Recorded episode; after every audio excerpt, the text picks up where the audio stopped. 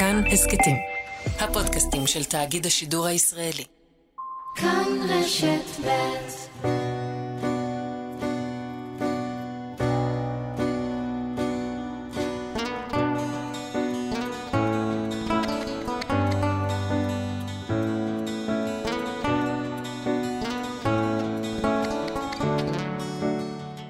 שלום, אתם מאזינים להסכת שניים עם אשכול נבו. בפרק הזה נדבר עם מתי ליבליך על מיינדפולנס ועל המקום שמיינדפולנס יכולה לתפוס בחיים שלנו.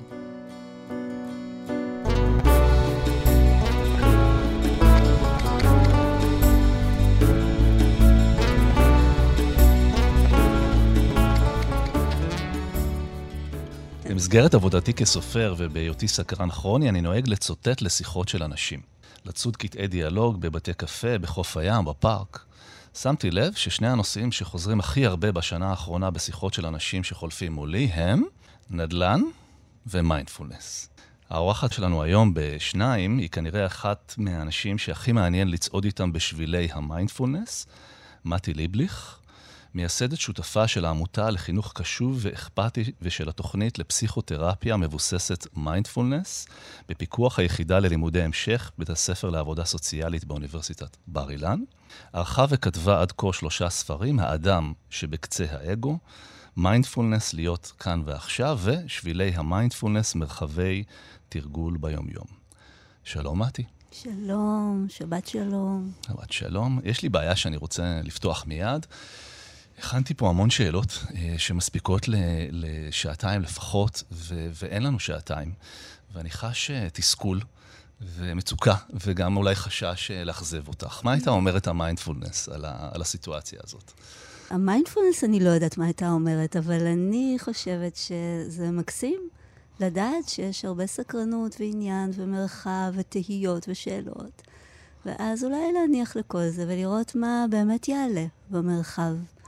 אז יש פה איזה בו זמניות כזאת, שגם נחזיק את כל האנרגיה הזאת של הסקרנות והשאלות, וגם נראה לאן כל זה יוביל עכשיו, מי יודע. אוקיי, נשמע כמו הזמנה להרפתקה, אני, אני איתך. בוא נבאר קצת את המושג הזה, מיינדפולנס, כי זה מושג ש, שהוא לא בעברית, והוא שאול ומתערבב לפעמים גם מבודהיזם, ויש איזו אי-בהירות שאני מוצא אצל אנשים שגם כשמדברים עליו וגם כשרוצים להכיר אותו, אז בואו בוא נתחיל מלבאר אותו בפשטות, מה זה מיינדפולנס. אז זה מאוד יפה בעיניי לראות שבעצם, אני חושבת שיש שורש לאי-ההבנה ואי-הבהירות, וזה שיש פער בין החוויה של המונח הזה, מיינדפולנס, לבין ההגדרה. ההגדרה היא די פשוטה. אפשר להגיד שמיינדפולנס זה מודעות קשובה, וזה סוג של הפניית קשב להווה מרגע לרגע, לתחושות הגוף, לטון הרגשי, למחשבות שלנו, הלכי הרוח, באופן שהוא פתוח, ער וסקרן. אז זאת ההגדרה. אבל זה שאמרתי את זה עכשיו, זה לא אומר שבפעם הבאה שאנשים ידברו על נדל"ן ומיינדפולנס, שזה באמת, הצחקת אותי מאוד ששמעתי את זה, באמת אפשר להבין מה, למה הם מתכוונים. זה אימון שהוא חווייתי, וככל שאנחנו נכנסים לחוויה יותר ויותר, אז בעצם יש איזו העמקה וגם טשטוש של ההגדרה, כי החוויה עצמה אולי קצת יותר עמוקה מהמילים האלה.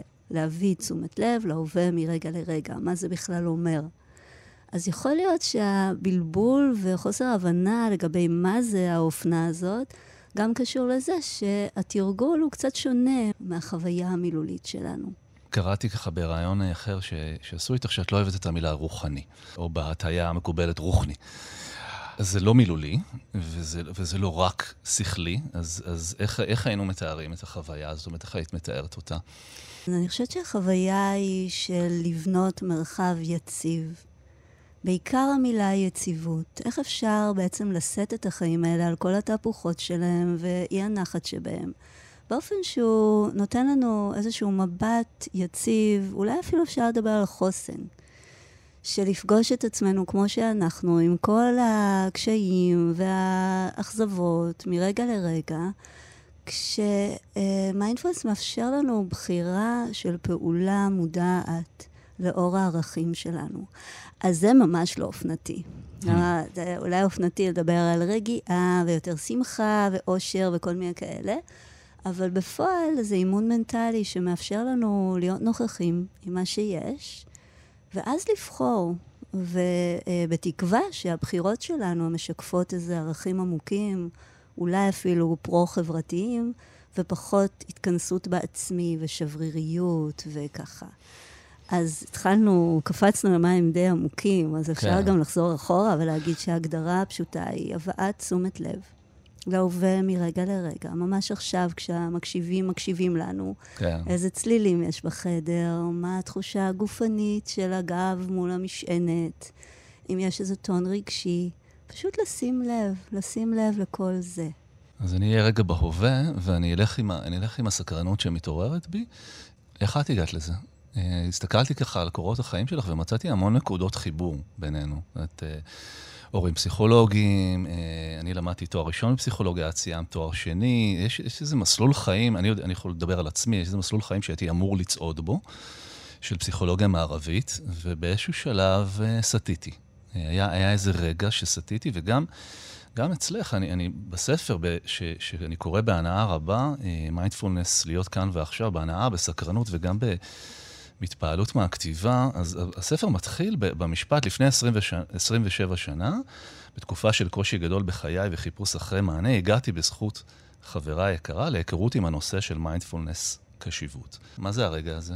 מה זה היה אצלך? זה מעניין, באמת ההשקות אה, בחיים האישיים שלנו, ואני חושבת שכשגדלים בבתים כמו שאנחנו גדלנו, יש בכל זאת איזושהי אווירה של מחשבה חופשית, עם כל ההסללה אולי, אבל אני חושבת שיש כן איזשהו מקום שרוצה ללמוד ולהבין ולדעת מה זה החיים האלה.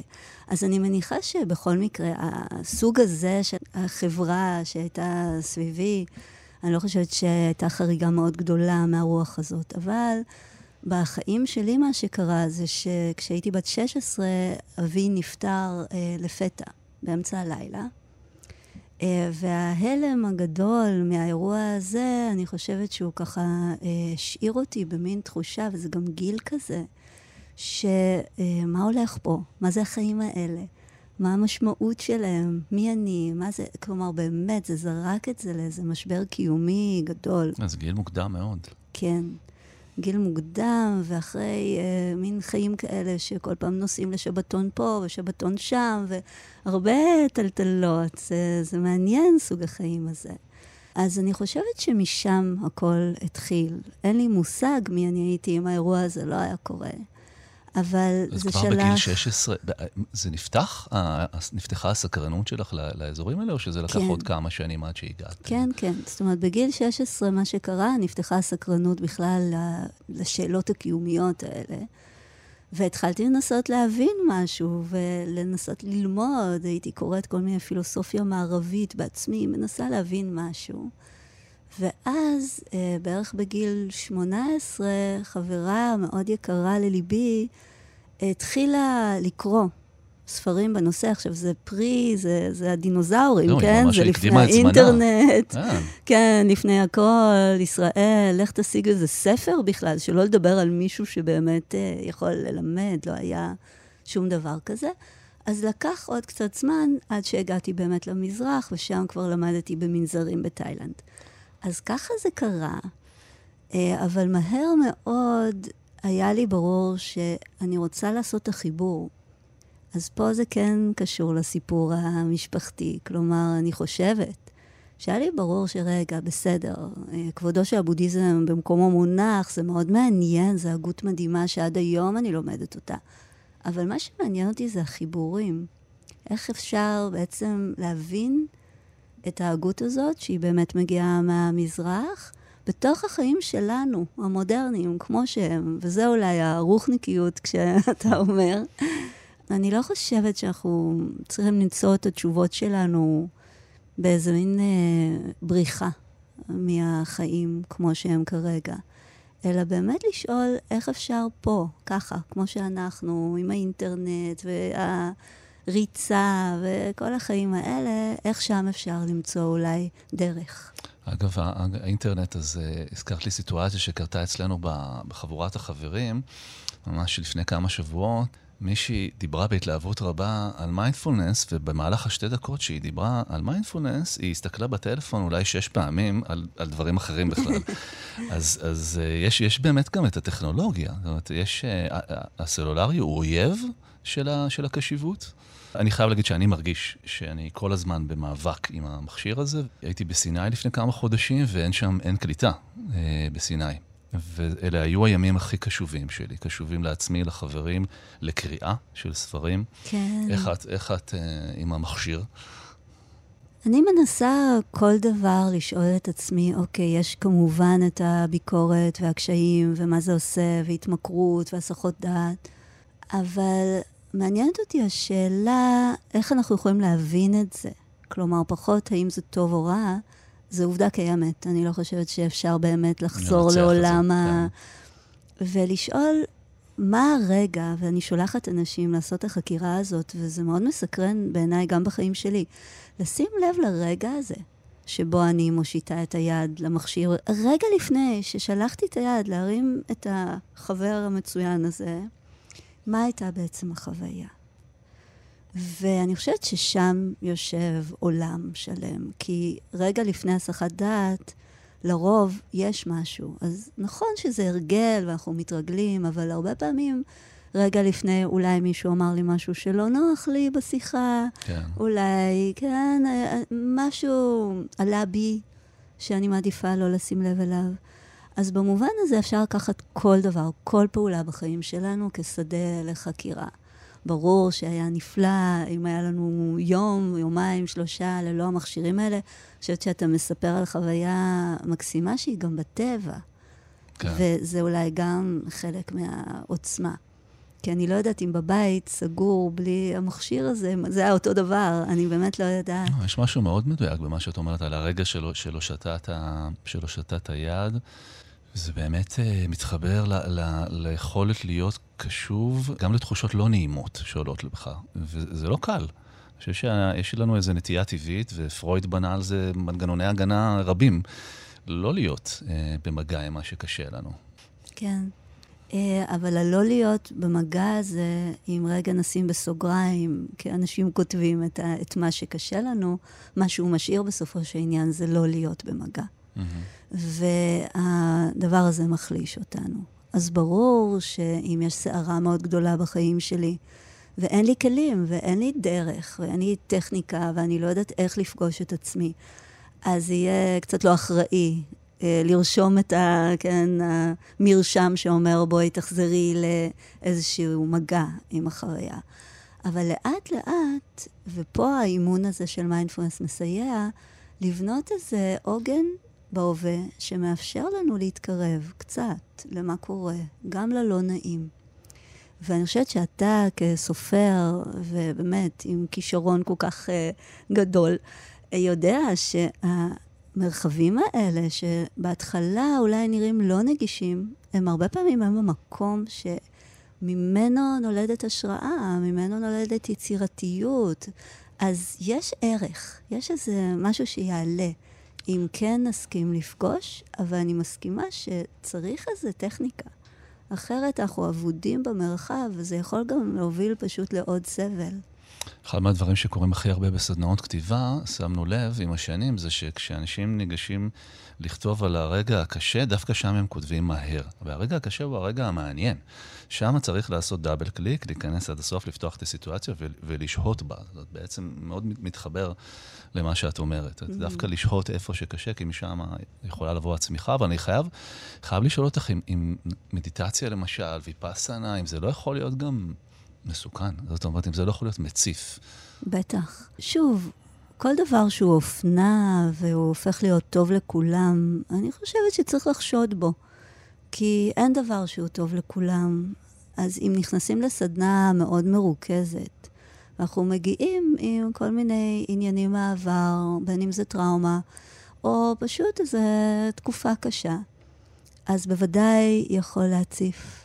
שוב, עם הנחיה מיומנת, ואם הקבוצה היא לא גדולה מדי, ואם יש עם מי לדבר, אז גם ההצפה הזאת יכולה להפוך לקרקע לצמיחה.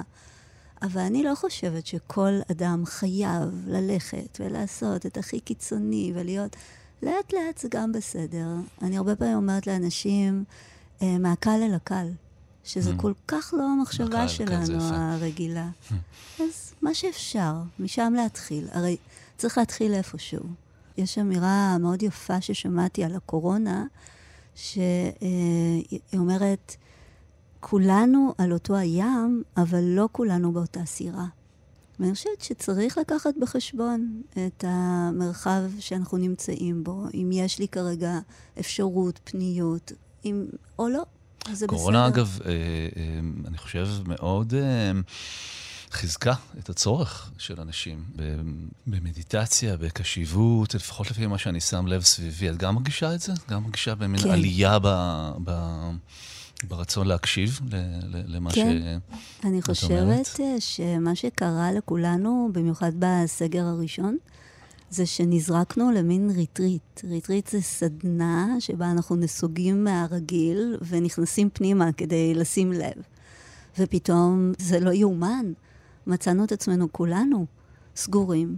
הרבה מאוד מרחב לשים לב למה שקורה, לא תמיד כיף גדול, אבל אנשים התחילו לפנות פנימה, להבין שהמשאבים האלה, הפנימיים, הם מאוד מאוד חשובים. אז כן, יש עלייה, רואים את זה גם במספר האנשים שמגיעים לכל השיעורים, וזום, וסדנאות. את מלמדת ו- הרבה. ועלתה עלתה בי ככה שאלה, ראיתי שאת מלמדת גם בזום וגם בפיזי, ויש לי חברים שלומדים אצלך, והייתה לי איזו שאלה, והיא גם מעסיקה אותי, אני חושב, כי, כי גם אני מורה, איך, איך את נזהרת לא להפוך לגורו?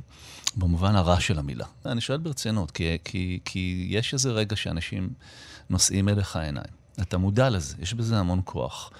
אני, אני אפילו, נדמה לי שקראתי שגם אה, עבדתי עם אנשים שהיו אה, יוצאי כתות או נפגעי כתות. איך את עובדת על הענווה? אז דבר ראשון, בשיא הרצינות, אני, אני לא לוקחת את עצמי ברצינות. כלומר, אני חושבת שלטפח חוש הומור בריא זה דבר טוב, ובאמת אה, אין לנו שליטה על איך אנשים רואים אותנו. אין לנו שליטה על ההשלכות, אין שליטה. אבל על האם נושמים את זה פנימה ומאמינים לזה ומתחילים להלך בעולם כאילו אנחנו זה, כן? זה כן יש שליטה. ואני חושבת שהתרגול הוא קרקע פורה לכנות, אם אנחנו מוכנים להסתכל. יש אה, סיפור של פמה צ'ודרון, שהיא מורה בודהיסטית מאוד מפורסמת, שהיא מספרת איך כשהיא נהייתה ראשת מנזר, היא הייתה מסתכלת במראה, ולפעמים היא הייתה רואה את הגורילה, אני עושה מרכאות, מהמם. הגורילה במראה, כלומר, לא, לא לייפות, לראות בתוך עצמנו גם את המקומות של האנושיות, וזה עוזר לשמוע את הסיפורים שאני שמעתי במהלך החיים שלי. זה באמת עוזר, כן. כי לצערי הרב שמעתי סיפורי אימה רבים על מורים שככה אז את הזיקו. מחוסנת לעניין. אני. מקווה, שוב, כן. אני חושבת שצריך להיות בכל עמדה שבה יש איזו הערצה או השלכה של... אני חושבת שזו אחריות לא לקחת את זה פנימה, לא Mm-hmm. להסכים. וגם לא לקחת יותר מדי ברצינות, זה יפה. זה הזכיר לי את הדלאי למה, שהלכתי להופעה שלו בקנדה, בטורונטו, 20 אלף איש באיצטדיון פוטבול, ו- ומה שאני זוכר מה- מכל המופע זה כמה הוא היה מצחיק. נכון. הוא לא הפסיק גם להצחיק וגם לצחוק. ואני שמח שאמרת את זה, כי אנחנו, אנחנו נסיים בשאלון שהוא שאלון מהיר וקליל. ושאת מוזמנת לענות על השאלות שלו במשפט או בשניים, ובתוכו גם יש התייחסות לנושא של החינוך, שאני יודע שמאוד מעניין אותך, אז גם זה יגיע. אז אה, שאלון מהיר, איפה הבית השני שלך? איפה חוץ מבבית את מרגישה בבית? אני חושבת שהבית השני שלי זה נווה שלום, אני מלמדת שם המון, יישוב מאוד אהוב עליי, גם מבחינת הערכים שלו והנוף, אז אני מרגישה שם מאוד בבית. אוקיי. מה מכעיס ומקומם אותך? אני מאוד משתדלת לא להיכנס למקומות האלה. ובכל כלומר, זאת? אני חושבת שחוסר שוויון, אה, יחס לחלשים בחברה שהוא מכאיב, אלה המקומות שאני יכולה לתפוס את עצמי ככה עולה על הגל, ואני מאוד מנסה לנתב את זה, אבל אז לפעולה. אוקיי. אה, בפני איזה מאכל את לא יכולה לעמוד? או, אני, אין לי תשובה. אני עוברת הלאה, אוקיי. לצערי. אה, מתי בפעם האחרונה בכית או רצית לבכות? אמ, בטח לפני כמה חודשים, אני מניחה, אני קשה לי לזכור. זוכרת? בכנות, זה קורה אה, הרבה? לא קורה לא כמעט. ואת לא זוכרת למה. לא. אה, אני זוכרת, רגע, יש לי אירוע. אה, אני חושבת שהייתה נסיעה, אחרי שהתבטלו כמה נסיעות סביב סדנאות, הייתה אה, נסיעה פרטית שלי ושל בן זוגי ושל בני היקר, ואז התחילו תהפוכות הקורונה, והבנתי שאני צריכה לקחת אחריות על ההחלטה הזאת בשביל כולם, וזה היה גדול עליי. ההחלטה אם לנסוע או לא? כן. שמה זה היה לי מאוד קשה. אז יכול, כן. יכול מאוד להבין. אה, טוב, זו שאלה בהחלט שדורשת קלילות. בדמיון, נניח שלא הייתה לך ברירה, איזה שיר היית בוחרת לשיר בערב קריוקי? אין ברירה. אני מנסה להיזכר, הייתה לי נסיעה עם חברות למדבר, ושמנו מוזיקה וצרחנו, אבל אני לא מצליחה לזכור שיר. תן לי לחשוב רגע. Hmm, אני לא יודעת. זה היה בעברית? באנגלית? וואו, היה לנו רצף שירי דרך כאלה. אה, אוקיי. אז אני מאוד אוהבת לשיר בצעקות באוטו עם אנשים אהובים עליי. שזה מתחבר לשאלה הנוספת, ענית בעצם על השאלה הנוספת, זה מה התלמידים שלך היו מופתעים לגלות עלייך, אז הם היו מופתעים לגלות שאת אוהבת לשיר. אני לא יודעת מה אנשים היו מופתעים לגלות עליי. אני מופתע לשמוע שאת צועקת באוטו שירים. זה לא צועקת, זה שרה אוקיי. בקול רם, בוא, בוא. אבל אולי עם קצת זיופים. אוקיי. מה העצה הכי טובה שקיבלת מאימא שלך? זו עצה מדהימה. לא משנה אם יש לך שתי גרביים שהם לא אותו דבר, תמיד בן אדם רואה על עצמו יותר ממה שאחרים רואים עליו. איזה יופי. לקחתי את זה מאוד ברצינות, ואולי קצת יותר מדי ברצינות, לפעמים יש נבחן את לומר. צבע הגרביים, כן. יפה, הצעה נהדרת. אימא שלי אמרה לי לצאת לשחק בחוץ. אה, לא, אל יפה. תשאר בבית, צא לשחק בחוץ. זה- גם עצה מאוד מאוד. יפה. נכון, אני עד היום יוצא לשחק בחוץ. אם היו מבשרים לך שנותרו לך 24 שעות לחיות, איך היית מבלה אותן? הייתי יוצאת לשחק בחוץ, כמו שאימא שלך אמרה, והייתי מנסה להספיק לדבר עם האנשים היקרים לי, לשבת איתם קצת בחוץ, וזהו. מה הכי מפריע לך בחברה הישראלית? מה נראה לך הכי דורש תיקון? ואם יש לך גם משהו שאת עושה בהקשר הזה, או משהו שהוא חשוב לך אה, להגיד. אה, אז uh, אני מגיעה ממשפחה שאני חושבת ששם לא הייתה ברירה אלא לפתח סוג של מודעות חברתית. Uh, סבא שלי היה מנכ"ל משרד הסעד 17 שנה, וככה אני ממש זוכרת זיכרונות הילדות הכי מוקדמים שלי. זה של איש שקם בארבע בבוקר ועובד, עובד, עובד, בונה כפרי ילדים. יש לי איזו תחושה שאנחנו, כל אחד מאיתנו צריך לקום בבוקר ולעשות משהו או שניים לטובת הכלל. אה, מה מפריע לי? כמו שאמרתי, אני חושבת היחס לחלש.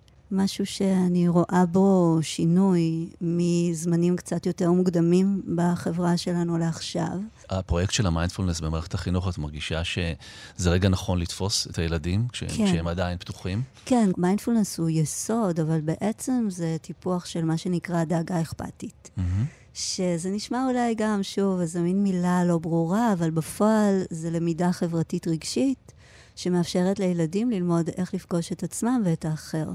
ואכן כן, אני חושבת, אני רואה את המחקרים שקולגות יקרים שלי מהעמותה עושים על גיל הגן, ילדים בני שלוש וחצי. וזה עובד. זה עובד, ואנחנו רואים תוצאות מדהימות גם באזורי קונפליקט של ירידה בסטריאוטיפיזציה של האחר. אני מאוד נחושה להמשיך לנסות לעשות את העבודה הזאת, ולשמחתי הרבה, במשרד החינוך כיום. בדרג המקצועי, כן. יש כבר הרבה שנים הבנה שצריך לנוע גם לכיוון הזה. ציונים זה לא מספיק. מסכים איתך לגמרי. ולסיום, אה, אנחנו אה, משדרים את התוכנית בשבת בבוקר, שזה זמן מצוין להתבוננות. אז אחרי שהתוכנית תסתיים, תרגיל מיינדפולנס למתחילים. אז התרגיל האהוב עליי, בוא, שבת בבוקר, זה זמן מעולה לתרגיל הבא. זה סוג של תרגיל בחוץ, הליכה קשובה. אז ההזמנה שלי, בפעם הבאה שאתם יוצאים החוצה, לא צריך לצאת במיוחד. דבר ראשון, קצת להאט את הקצב, לשים לב למגע הממשי של כפות הרגליים עם הקרקע, ואז מדי פעם, אם אנחנו נזכרים, לעצור לרגע, ואז לעשות את התרגיל הבא. להתבונן במשהו, קצת יותר מקרוב וקצת יותר לפרטים ממה שהיינו עושים כרגיל. זה יכול להיות הצבע של האור המשתנה על עלה, אבל זה לא חייב להיות משהו יפה. זה יכול להיות גם הפח הזבל האפור שעכשיו נמצא בדרכי. אז זה תרגיל מיינדפולנס של התבוננות. אז קצת להאט, וקצת להאט את תהליכי התפיסה שלנו. מה שמאוד יפה זה שלרוב אנשים, אני קוראת לזה הפואטיקה של הרגע הזה, הם יוצאים עם רגעים כאלה, הבזקים של חסד, שאפשר פתאום לראות את העולם סביבנו. וזה דבר שיכול לאפשר לנו הרבה רגשות חיוביים. אוקיי, אז נאחל אה, למאזינים שלנו הרבה הבזקים של חסד. אה, תודה רבה על השיחה הזאת, אה, הייתה חסד גם מבחינתי. תודה על האירוח וההזמנה.